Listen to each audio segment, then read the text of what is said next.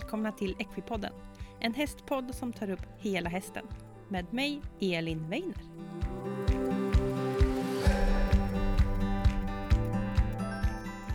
Hej alla Equipodden-lyssnare och välkomna tillbaka till ett helt nytt avsnitt. Det är onsdag och jag hoppas att solen skiner just där du är när du lyssnar på det här avsnittet.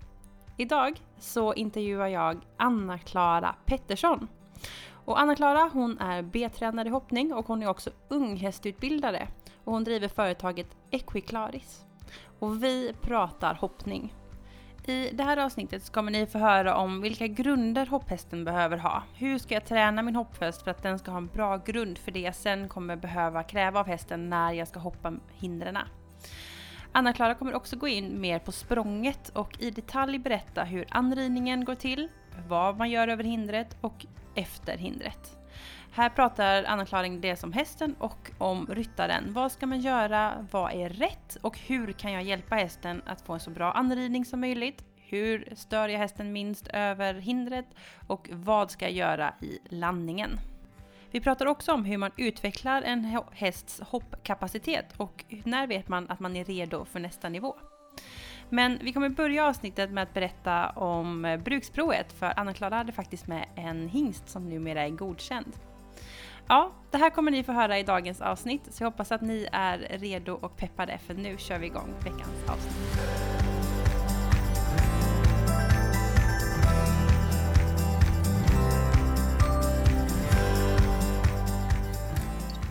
Då vill jag hälsa välkommen Anna-Klara Pettersson. Hej!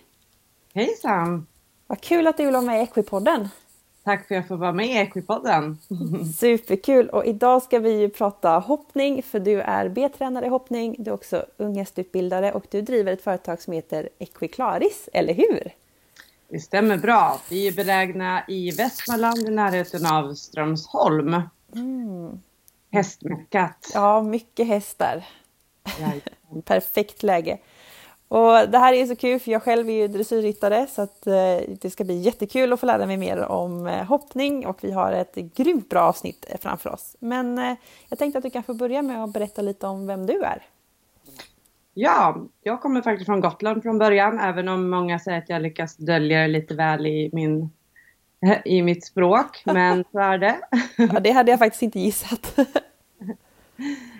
Så jag anledningen till att jag faktiskt tog mig från Gotland var just hippologprogrammet som är en universitetsutbildning som man kan utbilda sig till, i mitt fall då ridlärare. Um, och första året är då beläget nere på Flyinge och sen fortsatte vi upp till Strömsholm och då hör ju du att jag inte tog mig så långt sen. Nej, du blev kvar där. jag blev kvar där. Jag blev kvar där och fick jobb och jobbade som hopplärare där eh, mellan 2005 och 2016 faktiskt. Mm. Jätteroligt. Um, ridskolebarn från början. Um, fick, fick en ponny som jag var jättelycklig över som var uh, islandshäst faktiskt. Ah. Uh, den här islandshästen fick vara med om det mesta som, som jag tyckte var roligt när det gällde häst och ponny. Så det var alltifrån uh, gymkana till att köra på travet till då träna och försöka få den att tölta på ett bra sätt till att hopptävla också. Ah. Och styr. Eh, och då kan du tänka dig hur de stora de här knopparna blir på en sån där ponny. Oj! Men det är inte det som är charmen lite med ponnytiden att man ska testa och göra allt bara den här lyckan när man är lite yngre med ponny liksom. Man kunde verkligen testa att göra allt på en sån, en sån ponny med den typen av karaktär. Den var liksom tålig och följde med på allt man bad mm. om hela tiden. Så det var, det var en bra uppväxt. Aha. Men eh, mina tränare såg ju ganska tidigt där sen att det var hoppningen som jag brann mycket för och eh, gav mig väldigt mycket support i att kunna eh, rida deras ponnyer och kunna helt enkelt utveckla mig i min hoppning och min träning. Så det är jag otroligt tacksam för, eh, den hjälpen jag fått eh, i mina tonår liksom. Mm.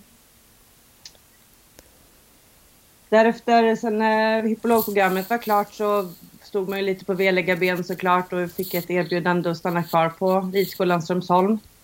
Ehm, på den tiden var det Sylve Söderstrand som var eh, chef och eh, jag började med en traineetjänst som sen löpte in i en, en anställning.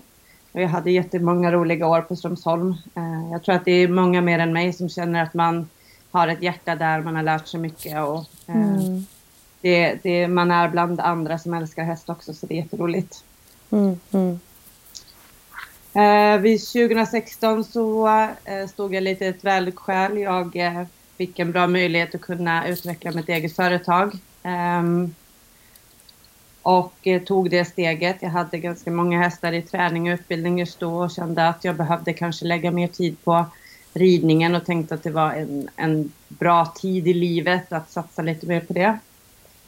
Um, och sedan dess så bedriver vi mycket inridning och utbildning av unghästar. Förbereder för eh, det som kallas för unghästtest och ridhästtest idag som före hette tre och fyraårstest kan man säga. Mm. Men också hästar som utvecklas mot kanske att gå tillbaka till sina ägare. Man kanske har hamnat lite på fel spår i ridningen eller man, hästen behöver utvecklas mer för att ryttaren ska känna sig säker på det, just den hästen. Och ibland så kanske de står ett vägskäl mellan att de inte vet om de klarar av hästen när den kommer tillbaka eller om den ska ja, säljas vidare och så. Mm, mm. Ehm, mycket träningar har jag. Jag tycker det är jätteroligt. Alltifrån ponnyryttare eh, till eh, tävlingsryttare som kanske mer vill ha ett mentorskap och någon att bolla med. Um, jag eh, jobbar även åt Svenska Ridsportförbundet eh, och gör ryttarutveckling. Och det är mm. som är så himla roligt också. Att sy ihop lite program till de här unga talangerna som eh, vi hoppas kan bli våra framtida landslagsryttare. Um, och där har vi ett program som heter Folksam ryttarutveckling uh, på nivå 3 som är ett nationellt program. Och sen har vi det som heter ATG Talang också. Mm, mm. Det måste vara jättegivande. Det är otroligt roligt uh, och de här ryttarna är ju fantastiskt duktiga. Uh, och det som också är väldigt kul är ju att det är ju flera discipliner så man ser hur mycket de kan liksom ta hjälp av varandra, olika frågeställningar och mycket de här dialogerna som blir den här vardagsmaten som, som vi ryttare också kanske står inför. Eh, allt ifrån hur ska man hinna med till att eh, ändå kunna spetsa sitt liv till en riktig sportsatsning och verkligen kunna skala ner till att hinna med det som är viktigast för att mm. kunna göra. Mm. Viktiga saker att tänka på. Mycket viktiga saker att tänka på. Sen är jag assisterande landslagsledare eh, åt eh, Svea Bengtsberg och Henrik Lanér eh, med fokus just på Baltic Cup som är kanske förstadiet till att kunna komma ut internationellt. Mm. Vi har haft ett jättekonstigt år, vi har ju knappt kunnat åka ut överhuvudtaget och när vi väl har kunnat, kunnat komma iväg så har det varit osäkert med tanke på covid och nu har vi ett annat läge med det här EHV1-viruset som härjar på häst mm. Ja, det, det har verkligen varit det är väldigt unika och speciella tider nu. Man får eh, ta det för vad det är och nu precis här har det blossat upp även i estvärlden då med virus. Eh, så det känns så tråkigt med virus nu känner jag. Ja, väldigt tråkigt. Man blir otroligt eh, ödmjuk och eh, ja, tänker på alla de som är i den här krissituationen och otroligt otäckt mm. att eh, förlora hästar i, i princip i full tävlingskondition. Det är ju helt osannolikt och jag jag kan inte alls sätta mig in i hur, hur de har det där men man, tankarna går verkligen och man lider med dem. Ja. Hur hemskt det är. Ja, det, det är väldigt, väldigt tråkigt. Men vi hoppas att det blir bättre och att det blir mer tävlingar och att samhällena öppnar upp eh, både för människor och för hästar så att vi kan eh, komma igång med lite mer tävling och, och, kanske lite resor ganska snart, eller hur? Det hoppas vi verkligen. Ja. Eh, och eh, jättekul, du har ju sån gedigen erfarenhet och du har sån bredd med dig så det ska bli jättekul att få ha med dig här i det här avsnittet. Och vi ska ju prata om hoppning, men innan vi går in på det så tänkte jag att vi kunde prata lite om, för när vi sitter och spelar in det här så är det mitten av eh, mars och eh, det har precis varit bruksprov. Och ja. Eh, du har ju haft med en liten herre där, eller hur? Jajamän, jag hade med min hingst. Han heter Tinder och numera heter han faktiskt Tinder 1435 dessutom. Mm. Eh, vilket känns otroligt roligt.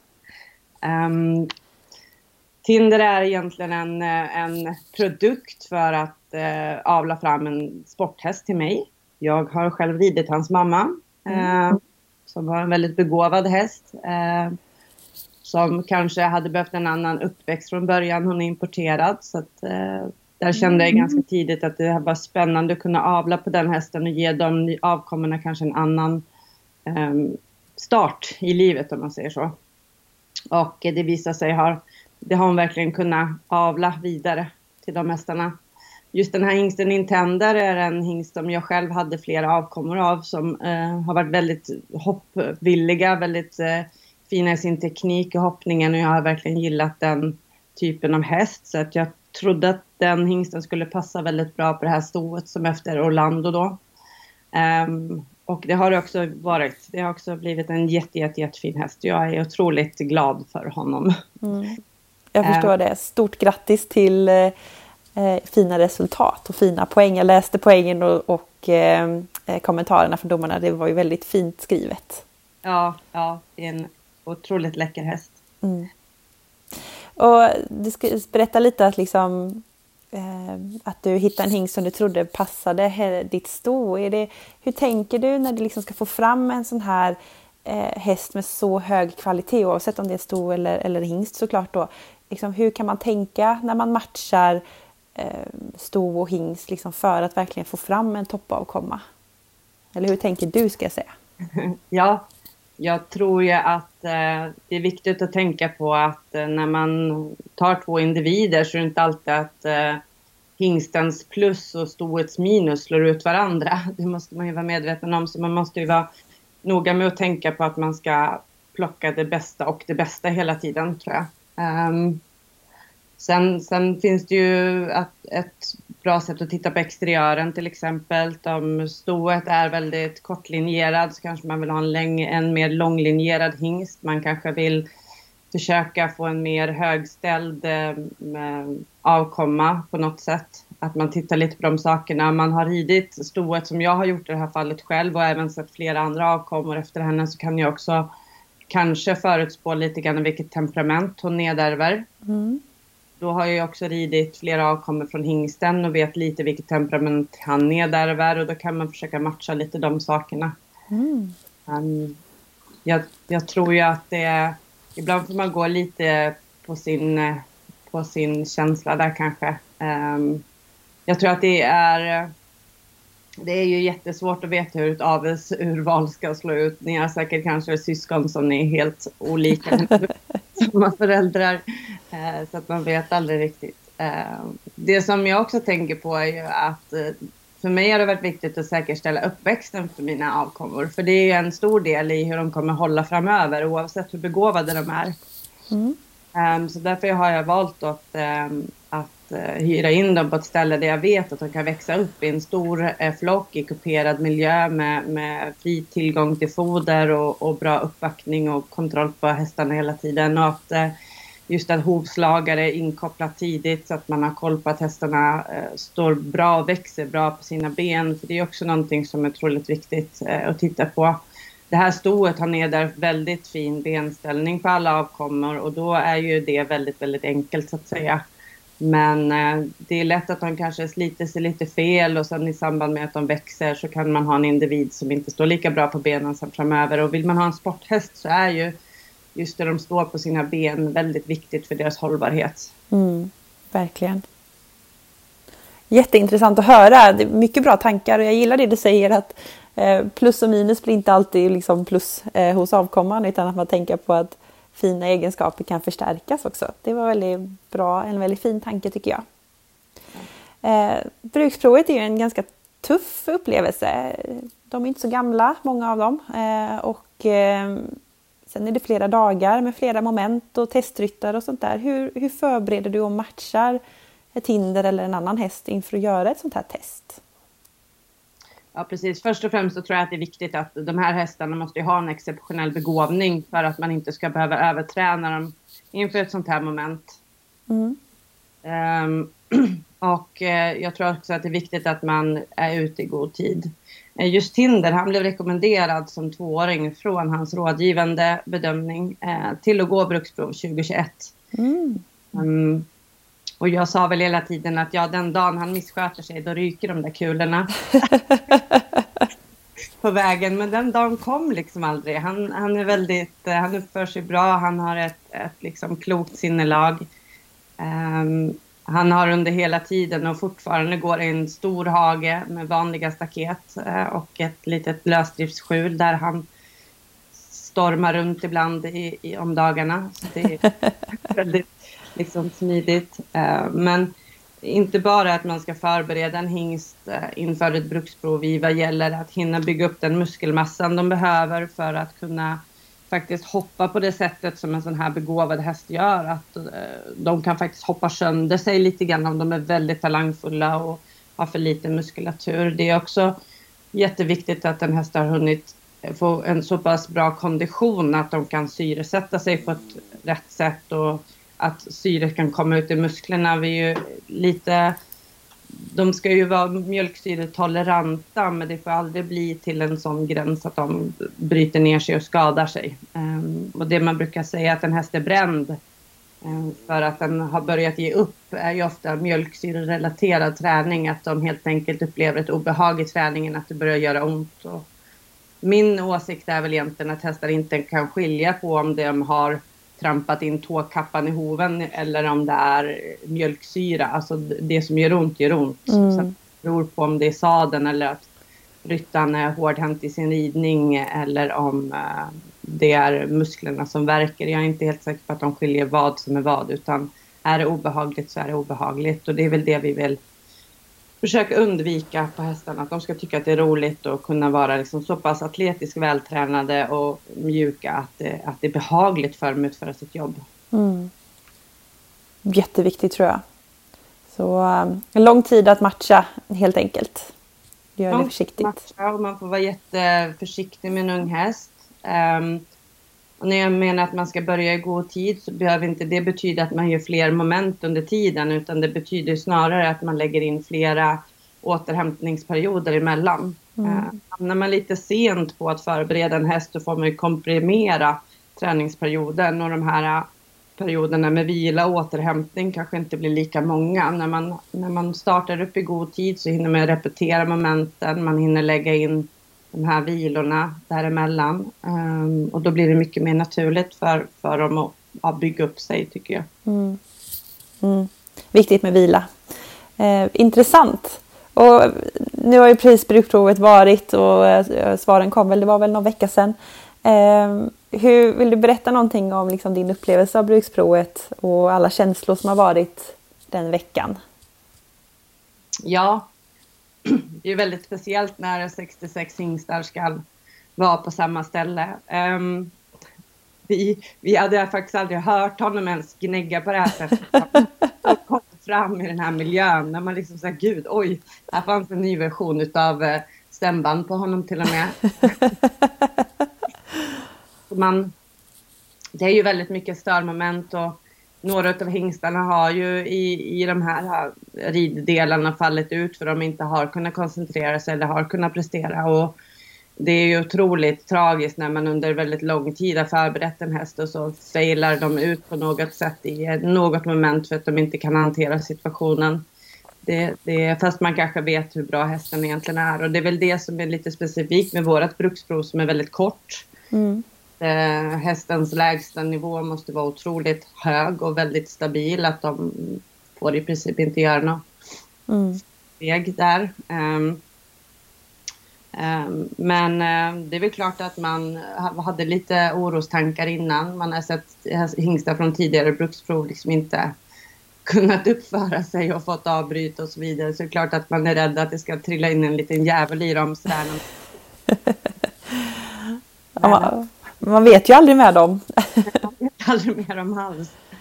Han är väldigt cool kille och lite som han tycker jag väldigt mycket bevisa på, på gångartsprovet och på hoppprovet att han har en on-off-knapp. Liksom, att han, är, han har mycket tryck och aktion i sin galopp. Han kommer fram till hindret och stampar av med ett kraftfullt språng som kommer väl igenom hans kropp. Men däremellan så är han väldigt avspänd. Liksom. Mm. Um, och det är ju egentligen oavsett hingst eller sporttest så är det ju det vi letar efter. En, en bra on-off-knapp så att de kan återhämta sig däremellan, att de klarar av att resa, äta, dricka, vara lugna i stallet, kunna transporteras på ett bra sätt utan att vara ängsliga. Eh, Men sen ändå i momenten så ska det ju liksom blixtra till helst. Mm. Mm. Jätteintressant att höra dig. Alltså, I podden så här, vi, vi hör ju alla säga det här, vi har ju samma grund vi som håller på med hästar. Vi vill ha roligt ihop med våran häst och vi vill vara glada, vi vill ha glada hästar. Och det är väldigt kul att höra dig också resonera kring det här att hästen ska må bra och liksom mentalt sett klara av de här sakerna också. Vara lugn och vara glad och sen kunna köra på när det behövs. Jätteintressant att höra. Mm.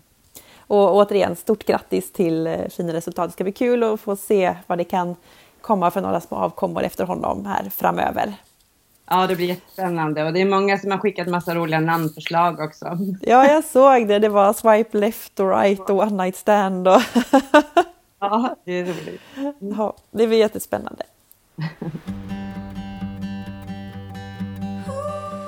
Eh, då tänkte jag att vi skulle gå över lite på den här hoppdelen och vi ska prata lite tekniskt kring eh, hoppning. Men jag tänkte vi kan börja med grunden. Vad behöver hopphästen ha för, för grund i sin grundträning? Vad är viktigt att kunna? Ja, precis. Um, vi behöver kanske in, hos en hopphäst inte möjligtvis lära dem de, de svåraste övningarna i dressyrarbetet. Uh, eh, piaff och passage och sådana samlande rörelser behövs inte en hoppes kunna, kunna manövrera för att hoppa 1,50 till exempel. Men, men man behöver ändå kunna använda hela utbildningsskalan i en hopphäst, om man säger så. Ända fram till att hästen är tillräckligt genomsläpplig, att den drivkraften som kommer ifrån bakbenen mjukt kommer genom hela kroppen och fram till ett eh, stöd i ryttarens hand. Om man, säger. Och man brukar prata också lite grann att när man väl rider till hinder så kommer kraften ifrån hästen kanske lite mera från hästens bak genom kroppen och fram till kanske hindret mer än att man har, har dem mellan hand och skänkel som man brukar beskriva. Mm. Men en hopphäst måste ju vara otroligt atletisk. Eh, den behöver vara, vi säger, eh, riden på ett sådant sätt att den är eh, lika mjuk i båda sidorna, att den kan arbeta genom sin överlinje och framförallt också bära vikten på sina bakben på ett bra sätt. Eh, man brukar prata om självbärighet, att man helt enkelt kan, ja, utan att eh, påverka hästen ska hästen behålla sin balans. Att man inte behöver vara där som ryttare och upprätthålla balans med en halvhalt och sådana saker hela tiden.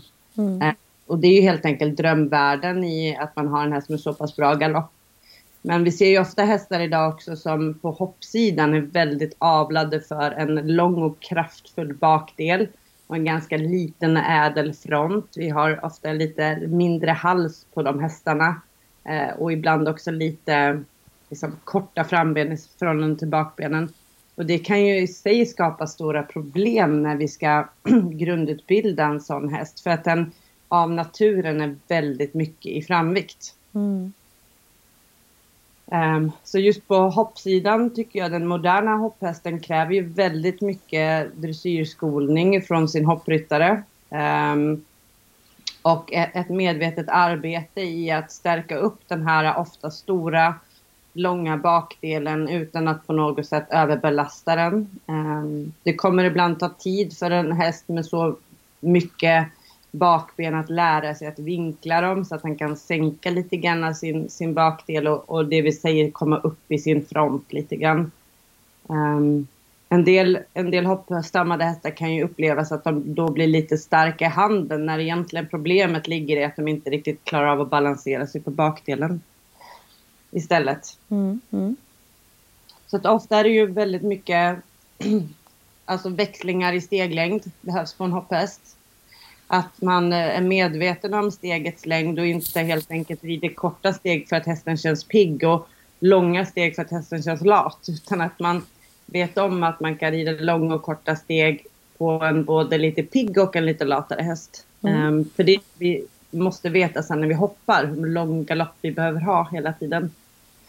Um, sen är det ju väldigt viktigt på en hopphäst att kunna vända för de vändande hjälperna så att man får med sig den yttersidan. Vi vi vänder ju ofta in liksom diagonalt, in på kanske ett böjt spår, direkt in på en rak linje, in diagonalt igen. Så att det här med att hästen orkar bära upp sig på det inre bakbenet och vända och få med sig ytterbogen och, och komma fram till hindret i, på båda bakbenen är ju är väldigt viktigt. Mm. Eh, så att de kan hoppa, hoppa språnget på ett bra sätt eh, och ta av från båda sina bakben som man säger.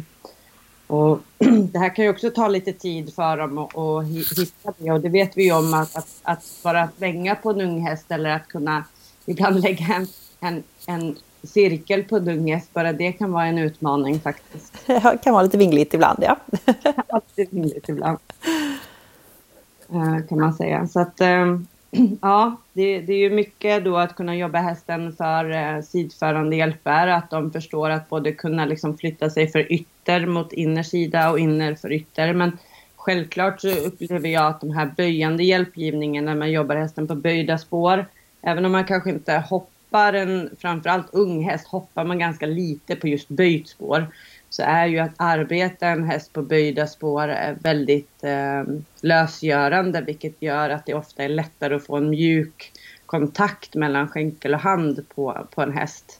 Så det är ju ett, det är ett arbete som man behöver ändå starta upp relativt tidigt eh, i sitt dressyrarbete. Sen, sen om hästen är ung och vinglig, då får man verkligen vara lyhörd för om, man, om när det är lägligt att börja hoppa en, en häst på böjt spår om man säger. Mm. Mm. Gud vad intressant! Jag har antecknat febrilt här kan jag ju säga. Jag har alltid papper framför mig när jag poddar. Men eh, det här var ju jätteintressant. Eh, och jag ser det framför mig, liksom det här vända och få hästen på båda bakbenen och bärigheten. Eh, det är ju ett stort häst, jobb som hästen gör i hoppningen. Eh, grymt intressant. Här har vi massor att träna på alla lyssnare och jag själv. Eh, jag tänkte att vi också ska prata lite om språnget och när vi skrev lite innan vi började podda här så sa du att det här kan jag prata en hel dag om. Eh, så vi får eh, eh prata om det här ämnet och vi hade tänkt att dela upp det att prata innan språnget, under eller över hindret och sen lite efter. Ehm, så jag, jag, tänker att jag ger fria tyglar till dig här att liksom prata lite tekniskt om hästens språng och, och börja lite innan hindret. Ja, um, anridningen är väl kanske det som sen kommer avspegla hur hästen kommer hoppa sitt språng. Um, och där ser vi ju att de här uh, riktiga proffsen som är otroligt duktiga på att rida hästen på det häst, sätt hästen behöver i anridningen ofta får hästen att hoppa väldigt bra och felfritt i sitt språng sen. Medan kanske en orutinerad ryttare som inte vet hur man ska hantera anridningen får fel i språnget eller att hästen kanske gör det vi säger helikop helikoptersprång, den hoppar rakt upp och rakt ner eller att den hoppar väldigt långt istället. Och, eh, får vi olika avarter i språnget då kommer vi också få väldig variation vad som händer i landningen och ofta så hänger ju landningen kanske ihop med en ny anridning och då kan vi få ganska mycket följdproblem om man säger så. Mm. Eh, just för anridningen så, eh, och hästar är ju olika, vi ryttare är olika, vi föredrar ofta att rida på olika sätt och där är det ju otroligt viktigt att man tar lite hjälp av sin tränare vad, eh, vad man behöver addera mer utav i sin anridning kanske. Eh, som vi pratade lite om tidigare så är det väldigt lätt om man har en häst med mycket motor och mycket aktion i galoppen att man blir lite orolig för att behålla språngets längd och därför rider lite för kort galopp så att säga. Och med en häst som känns lite kanske oengagerad och trög att man helt plötsligt hamnar i väldigt mycket ridning framåt istället för att ett, i ett försök att försöka engagera den här äh, rytmen i galoppen. Och det är inte alltid den känslan som man själv har som ryttare som stämmer och då är det bra att ha en spegel med någon och har man inte det kan man ju även lägga ut kanske bommar så att man vet att från bommen så har jag fem steg fram till hindret och mm. um, försöka få dem sprången jämna och så vidare. Det är ett bra sätt att liksom jobba med uh, rytmen fram till hindret. Um, många ryttare pratar mycket om att kunna se distansen till hinder, att man ska se hur man ligger till hindret. Och det, det tror jag är ett utav sinnena man ska använda i sin ridning till hinder, men jag tror också att sinnen att uppleva hästens rytm och eh, att kunna bibehålla rytmen är ju också jätteviktig. Att man inte stirrar sig blind så att man tappar känslan av vad hästen egentligen gör. Eh, det kan ju till exempel vara så att hästen faller in i handen Eh, och att ryttaren upplever att hästen känns stark. Men egentligen så sprang inte hästen iväg utan den föll i framvikt. Mm. Bara lätt att ryttaren agerar med att bromsa. När det egentligen var så att ryttaren behövde driva för att få hästen mer engagerad på bakdelen. Mm. Um, så det där kan ju vara lite, ta lite tid att lära sig helt enkelt. Um, och där tror jag ofta att man får ha, ha en bra spegel och känna vad som är rimligt. Um, man, brukar, man brukar ha lite åsikten av att vi i Sverige är ganska duktiga på att rida väldigt kort galopp. Um, och det kan ju vara så att vi har lite den kulturen att man vill rider lite kortare galopp och att man, vi rider kanske mera inomhus på grund av vårt eh, väder ute och vi har eh, kanske inte de jättestora ridhallarna som finns i Europa. Det kan vara en anledning.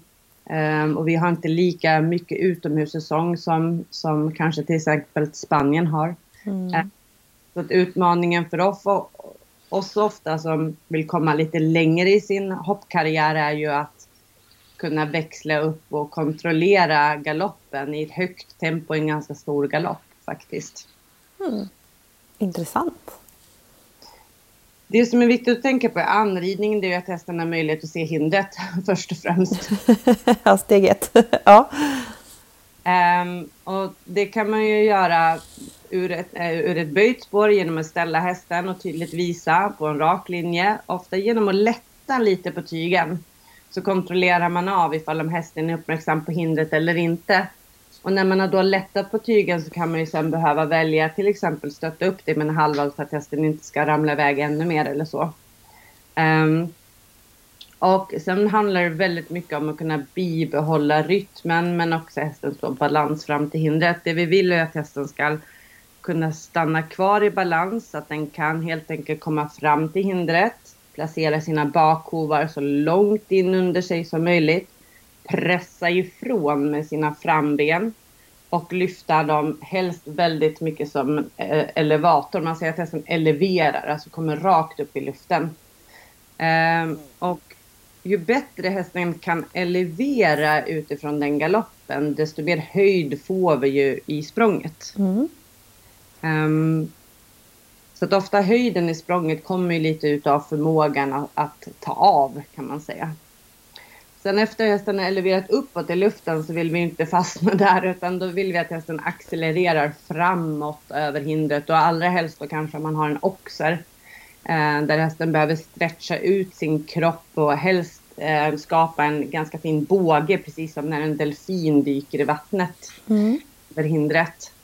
Um, och sen kommer den baskulationsfasen och det är den fasen där hästen liksom börjar vända neråt och då ser vi ju gärna att den fortsätter att hålla kvar på sina framben så att den inte råkar tappa ett framben ner i bakbommen då när den ska börja vända neråt. Men vi ser också att hästen fortsätter att pressa sin eh, bakdel och helst sina bakben lite utåt och uppåt för att eh, ja, få ett felfritt och bra språng.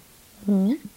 Sen har vi landningen och där har vi ju väldigt mycket som krafter som landar på ett framben. Um, och det är väl det största riskmomentet i, i sporten är ju kanske de här ja, skarpa svängarna som kan bli en omhoppning men också just de här landningsmomenten.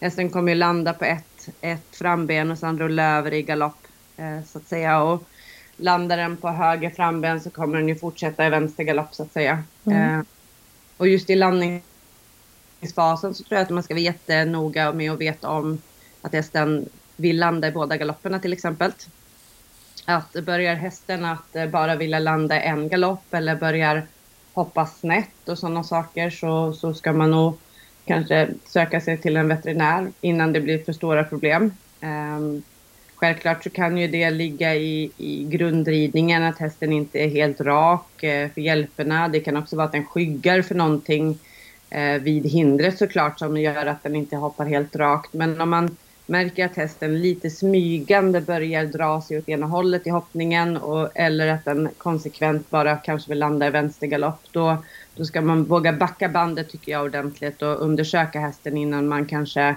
jobbar vidare för mycket. För landningen är ett ganska bra instrument för att se hur sund hästen är i sin hoppning. Mm. man vill ju gärna att hästen ska kunna landa och galoppera vidare på ett sunt sätt. Att den ganska direkt hittar sin liksom, energi och vilja att gå framåt. Um, många ryttare blir lite snabba på att bromsa hästen i landningen för att man är orolig att tappa kontrollen till nästa hinder. Uh, och det kan man också behöva öva på och kanske hoppa lite färre hinder då så att man känner att man ger sig själv lite tid i landningen att uh, båda två ska kunna komma i balans.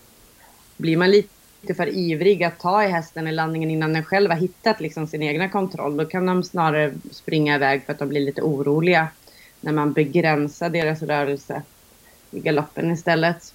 Mm. Uh, sen vissa hästar hoppar ju och landar lite tungt och lite oengagerat och det kan ju också vara ett tecken på att den inte är helt atletisk i sin eh, grundridning från början. Och det är ju också ett tecken till att man kanske får backa bandet och inte hoppa för stora hinder så att den hästen liksom landar mycket, mycket mjukare och att den är mer smidig genom sin kropp helt enkelt. Um. Mm. Hmm.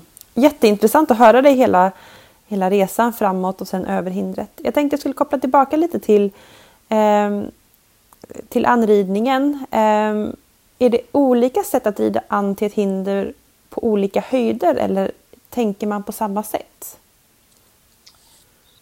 Um, det är självklart att ett större hinder kräver en mycket mer anspänning i galoppen, en mycket mer som vi kallar som en fjäder i galoppen.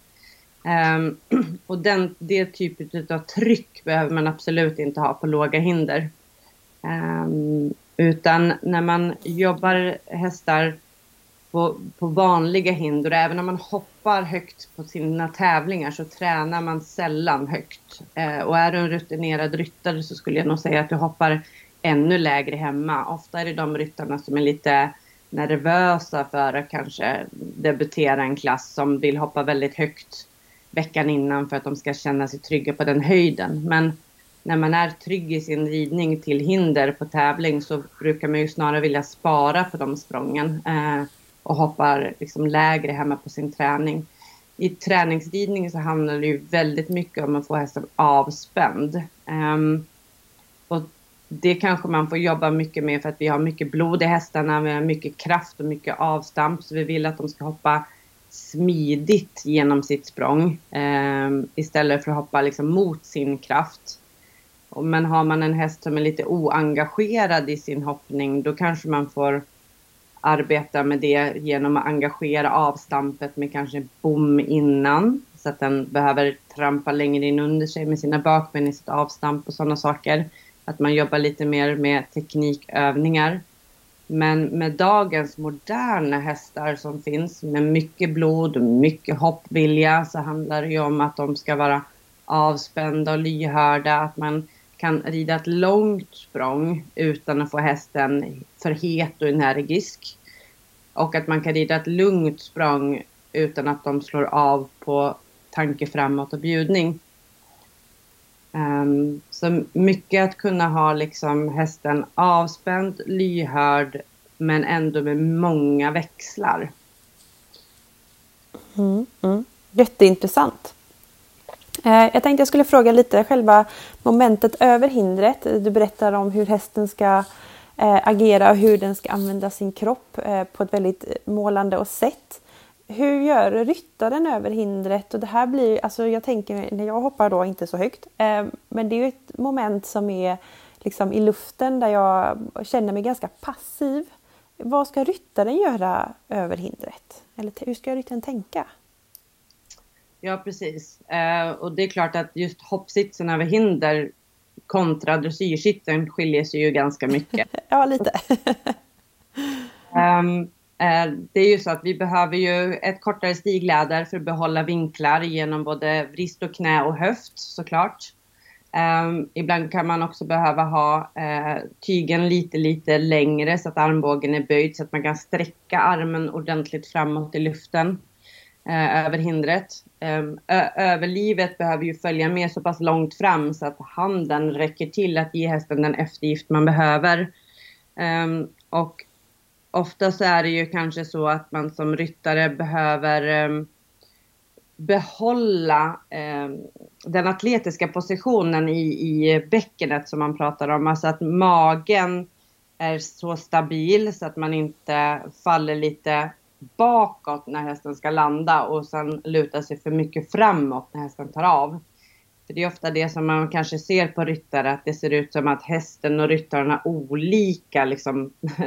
De följer inte varandra i språnget utan att när mm. hästen går upp i luften så kastar sig ryttaren fram. Och sen när hästen ska framåt och ner i landningen då kastar sig ryttaren bakåt istället. Och det är klart att då får vi väldigt många krafter som flyger hit och dit som en, en flagga som svajar kraftigt i vinden så att säga. Mm. Eh, så att om man kan försöka vara så stabil att överlivet liksom kan hålla sin position, att man är så pass stark i sin bukmuskulation att man inte flaggar fram och tillbaka med, med sitt överkropp. Att man är tillräckligt stark i sin överskänkel och underskänkel, att man klarar av att behålla trycket i stigbygeln eh, men ändå ha ett sviktande ben. Alltså att man är så stark att man inte behöver spänna sig utan att benet kan vara som ett gångjärn och svikta lite grann för att den här kraften ska kunna liksom, ja, försvinna lite efterhand så det inte blir så att man flyger ut ur sadeln så att säga. Mm, mm. Um, och, och, det är väl det som kanske är skillnaden på de ryttarna som gör väldigt många språng och, och rider många hästar och man ser att de, de har en bra följsamhet. Att det ser väldigt enkelt ut. Det, det, kostar ingenting att hoppa om man säger. Men när man är lite ovan, att man inte riktigt vet om man ska luta sig fram eller bak för att ramla av, då ser det också ganska jobbigt ut så att säga. Mm. Mm. Jätteintressant. Eh, jag tänkte jag skulle fråga lite, landningen, du sa precis i början där att landningen är oftast en eh, eh, liksom att man ska in i en ny anridning då till liksom ett nytt hinder. Vad har du för tips för ryttaren att liksom återhämta från eh, landningen som ändå, mm, som du säger, mycket krafter och liksom hitta sig själv för att sen då få bra att komma in i nästa anridning. Vad har du för tips där? Ja, jag tror att man som ryttare behöver ge sig själv lite tid. Att man kanske börjar med att liksom sträcka upp sin blick ordentligt. Att man börjar med att hitta sin balans i sina stigbyglar och känna att skänken först och främst är på plats. För att det är det som krävs för att kunna liksom inverka på hästen på ett bra sätt till nästa hinder. Sen, sen när man ska sjunka ner i sadeln om man behöver, det behöver man inte alltid göra utan ibland kan man också vara kvar i den lättare sitsen och avlasta hästens rygg. Men vill man sjunka ner lite grann så måste man också göra det på ett väldigt mjukt sätt så att man inte liksom dunsar ner hästens rygg och blir lite tung i sadeln direkt. För det kan snarare göra att hästen springer iväg lite grann och tappar sin rygg som man brukar säga. Um, och så mycket är det att liksom upp med, med blicken, titta uppåt och fram, känna att du är mitt över hästen.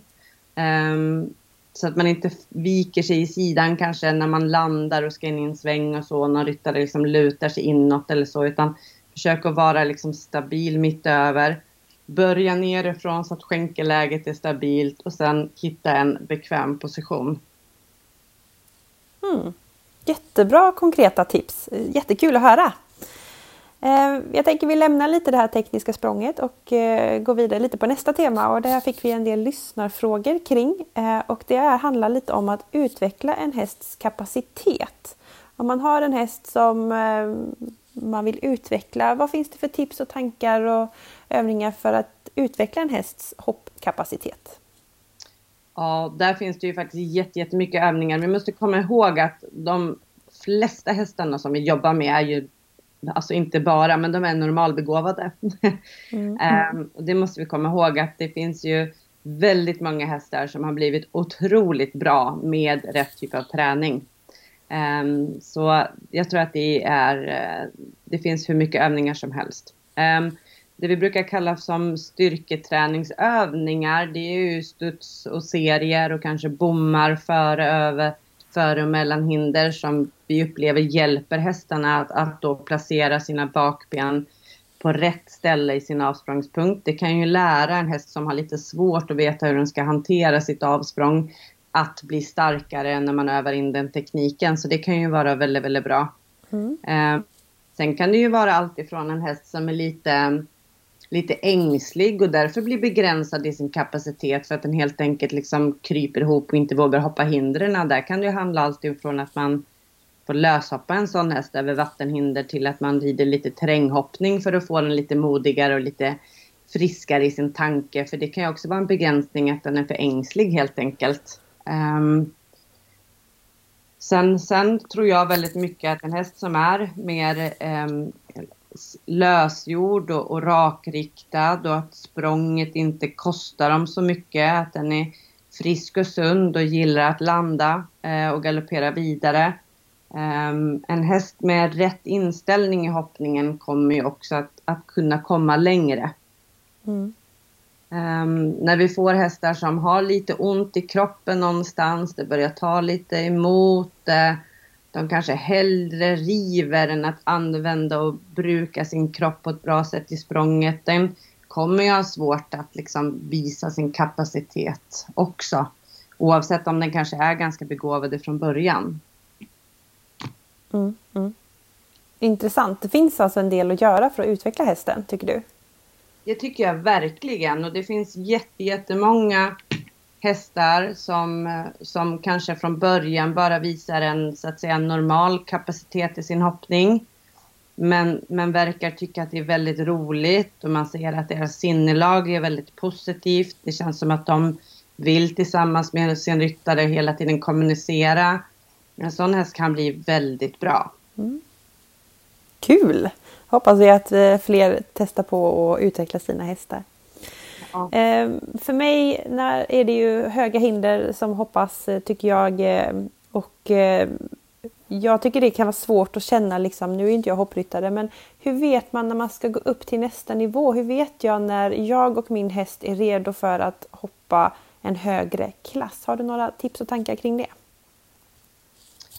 Ja, först och främst så tycker jag att man ska ha ridit ett antal rundor på, eh, på ett bra sätt. Och det, dels så kan jag ju tycka att man kanske inte ska ha, man kanske ska ha tre felfria runder och två med fyra fel eller någonting över tid. Eh, men det är kanske inte bara att man ska vara felfri utan man ska också känna att man har kunnat hantera frågeställningarna på banan på, på ett bra sätt. Att man har ridit på de stegen som behövs eh, eller skulle ha ridits på. Att man har kommit till rimligt jämna distanser till hindren. Att hästen känns avspänd i sin hoppning och sådana saker. För att ibland så kan, kan ju vissa runder vara felfria fast ändå ganska dåliga. Mm, mm. Där måste man ju väva in två stycken delar i det hela tiden tycker jag. Eh, sen är det ju så att vissa hästar är ju som bäst, som vissa ponnyer kanske, de är professorer på lätt avhoppning men steget är medelsvåra är liksom lite stort och då är det lätt att man får ett stopp och sådana saker. Och det vi ska ha i bakhuvudet är ju att försöka undvika när det blir stopp. Det, det är ju så att de har tillräckligt mycket trygghet med sig att de vill ta sig runt. Eh, sen kan ju stopp komma av olika anledningar. Det kan ju vara allt ifrån att ryttaren blir nervös och eh, stövlarna bara hänger rakt ner så att man aldrig riktigt tar sig till hindret. Eh, så det är många, många faktorer som kan spela in just i tävlingssituationen. Men jag tror också att, att ryttaren ska ju känna att den är så pass väl förberedd att man inte blir så nervös för att gå upp nästa steg utan det ska kännas ganska naturligt för dem. Mm. Um, sen tror jag att ibland så blir det en liten hets att man tittar på vad andra gör, att någon annan kompis rider klassen högre eller någon annan har tagit sin häst lite snabbare upp och så glömmer man bort lite grann vad man själv håller på med. Det kanske är så att man själv är tryggast på den höjden man redan rider på och man har ganska roligt där och man behöver kanske inte för någon annans skull gå upp ett snäpp till. Men är det det att man vill det, då är det ju jättebra att eh, tillsammans med sin tränare titta igenom rundorna, titta på kanske specifika saker man behöver jobba mer på. Det kan ju vara så som att tre kombinationer som kommer in lite mer i de högre klasserna behöver tränas mer på och det blir lite kortare avstånd mellan hinder. Det är ju tre steg och kanske böjda spår på lite färre galoppsprång och så. När man gör det på ett bra sätt Eh, på träning och man har tävlat på den nivån under på ett säkert sätt. Och då kan det absolut vara ett jättebra läge att testa på en lite högre höjd tycker jag. Mm. Man ska våga prova lite? Eh, när det är rätt tidpunkt kan man absolut våga prova, det tycker jag. Mm. Ja, och där, där är det ju bäst att man har en, en tränare som man kan kommunicera på. Man kan titta att ja, men den här tävlingsplatsen har, har ju passat er tidigare och där brukar ni ju trivas och den eh, kanske arenan är lämplig för din häst eller så. Så mm. det är många faktorer i ridningen vad gäller att ryttaren också ska känna, känna sig trygg. Ja, precis. Vi är ju två individer som ändå ska lyckas med det här tillsammans. Ja, verkligen.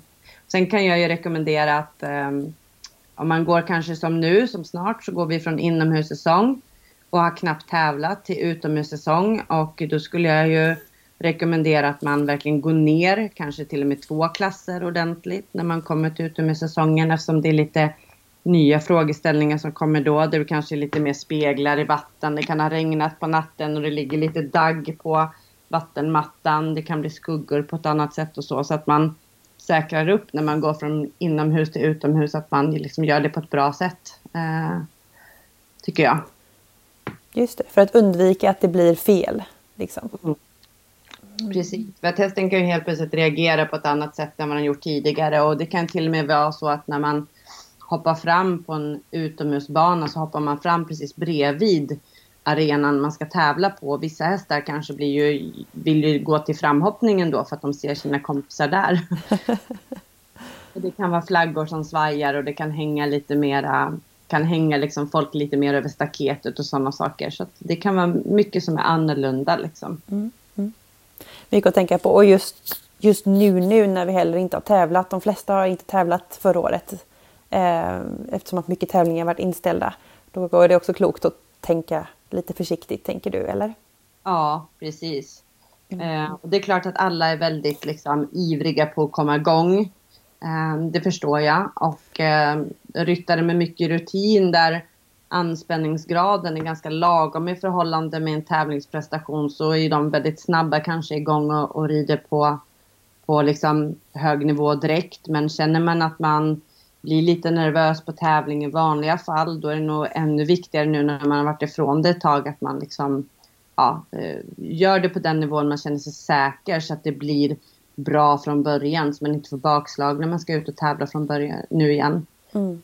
Um, sen kan det ju vara så att man till och med någon, något tillfälle får dra på sig vita ridbyxor och kavaj och knoppa upp hästen och, och rida någon ban, tävlingsliknande bana hemma om det är så att man känner att man behöver få med sig de momenten lite till. Man kan ju liksom låtsas lite grann att man är på tävling också för att trigga igång sig själv lite grann till att träna på de momenten. Ja precis och nu finns det ju lite sådana online-event också. Eh, en positiv sak från Corona faktiskt. Eh, man kan bygga ja. bana och filma och skicka in har jag sett. Det är ju också kul. Verkligen. Mer ja. innovativa eh, grejer ska vi ha i hästvärlden. Det tycker jag. Verkligen. Det är nu, så att man inte behöver resa med sin så mycket heller. Så det ju, ligger väldigt rätt i tidpunkten också. Ja, verkligen. Det är ju ytterligare ett eh, stressmoment. Och jag tänker många som eh, själva inte vill resa för att man tycker att det är läskigt och jobbigt med transport eller hästar som inte går att lasta så har ju ytterligare en grupp eh, hästfolk fått chans att faktiskt skapa lite resultat. Det tycker jag är väldigt roligt. Absolut, och det tror jag är positivt. När man får ett sånt där moment så blir ju ryttarna väldigt noggranna med att öva på, öva på saker som är med i momentet så att säga. Och det, det brukar ge positiv respons, att man helt enkelt blir bättre på det man ska göra. Så det är, oavsett tävling eller inte, eller tävling på olika nivåer, så brukar det vara, vara ge positiva ringar på vatten tror jag. Mm. Det tror jag också. Eh, jätteintressant att höra. Vi har ju pratat massor här och jag kan säga att jag har antecknat febrilt. Eh, ska jag försöka ta med mig allt det här när jag hoppar nästa gång. Jätteintressant. Eh, jag brukar avsluta och fråga alla mina gäster. Vi har lite tema i podden och den här terminen så pratar vi mycket om mental träning och mentalt mående.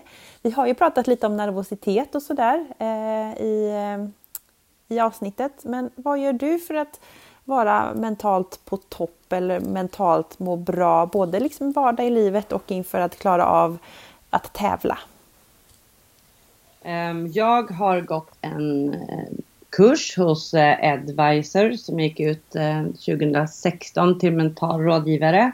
Mm. Och jag har väl framförallt känt att de verktygen man fick med sig där, visst jag kan använda dem väldigt mycket i min tränarroll och jag kan även sätta mig ner med adepter och jobba med rena mentala eh, frågeställningar. Men man lär sig väldigt mycket själv också. Mm. Eh, det som jag har jobbat mycket med var att jag har haft mycket unga hästar och det är när man kommer ut på tävlingsplatser så är det otroligt viktigt att vara jämn i sin eh, egen anspänning. Men sen då när jag skulle rida, när man ska rida lite högre klasser och man faktiskt kanske behöver lite mer anspänning, då har jag fått jobba på att komma upp lite mer i puls för att kunna tagga på lite till faktiskt. Mm. Eh, så det, det har jag varit mycket hjälpt av att kunna liksom hitta, hitta lagom nivå till rätt eh, tillfälle om man säger så. Eh, så att man inte glider in i en final och gäspar lite mycket heller utan det gäller ju att man är så mycket på topp som behövs för att prestationen ska bli så bra som möjligt. Sen, sen upplever jag att vi i ridbranschen, hästbranschen, har långa tuffa dagar. Ehm, de här mentala frågeställningarna handlar ju alltifrån oro, att hästen eh, kanske är halt eller inte fungerar som den ska, till hur man ska ja, finansiera sin satsning till till eh, hur man ska ta nästa steg. Så det är väldigt mycket vardagsproblem tror jag som kanske gör att man tappar lite tron på sig själv eller man kanske gör några dåliga träningspass i rad och så tror man att man inte kan hoppa något mer och så. Då är man ju väldigt hjälpt utav att ha lite mental eh, träning i grunden så att man kan ja, sätta lite mer mål, eh, bena upp det, titta lite på perspektivet utifrån. Eh, och sen att man inte hamnar för mycket i att man är rädd för att man känner sig orolig utan man kan bena ut lite grann vad är det i oron som egentligen kanske till och med positivt. Vi har ju skyddsnät också som gör att, att kroppen kan säga ifrån att eh, det är nog hälsosamt för dig att bli lite rädd här nu så att inte du eh, avlider på något sätt. Men det är klart att den känslan vill vi inte ha när vi ska beträda en tävlingsbana utan då vill man ju känna sig stark och modig och trygg och glad liksom. ja, precis. Det är ju precis som du säger, eh, det är ju lite sådär, kommer jag överleva det här som kroppen egentligen evolutionärt har eh, funkat så. Men eh, vi vill ju känna att vi ska vara störst, bäst vackrast och såklart vinna. Ja. Eh, jätteintressant att höra. Tycker du att man som ryttare idag, jag tänker om man kanske inte är vanlig hobbyryttare utan att man tänker att man är ryttare, satsande ryttare och på väg uppåt. Tycker du att man ska ta hjälp med mental träning? Är det en viktig del att tänka på? Det tycker jag och ibland så tror jag att man kopplar att man behovet av mental träning är direkt kopplat till ifall man är nervös eller inte. Mm.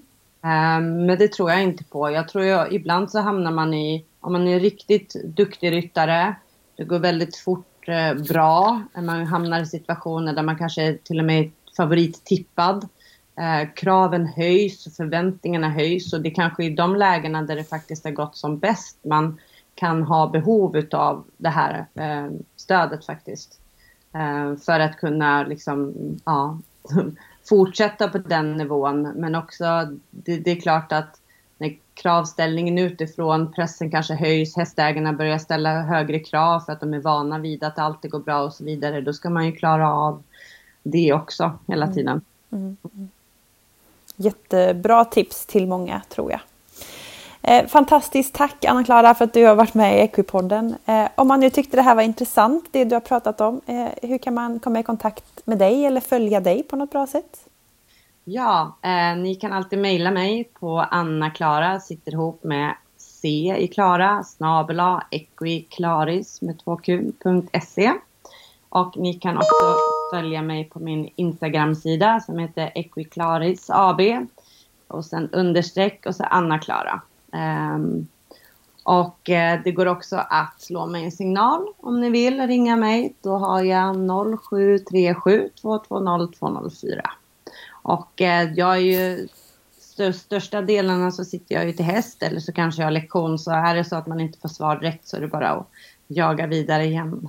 Just det. Och det är jättebra. Eh, jag kommer skriva det här i poddbeskrivningen också för alla som inte hängde med där. Om man kanske sitter och rider och lyssnar på det här så kan man läsa i poddbeskrivningen så man har möjlighet att eh, kontakta Anna-Klara om man tyckte det var intressant. Mm. Fantastiskt! Jag har lärt mig massor. Jättestort tack för att du ville vara med i Equipodden. Tack så jättemycket.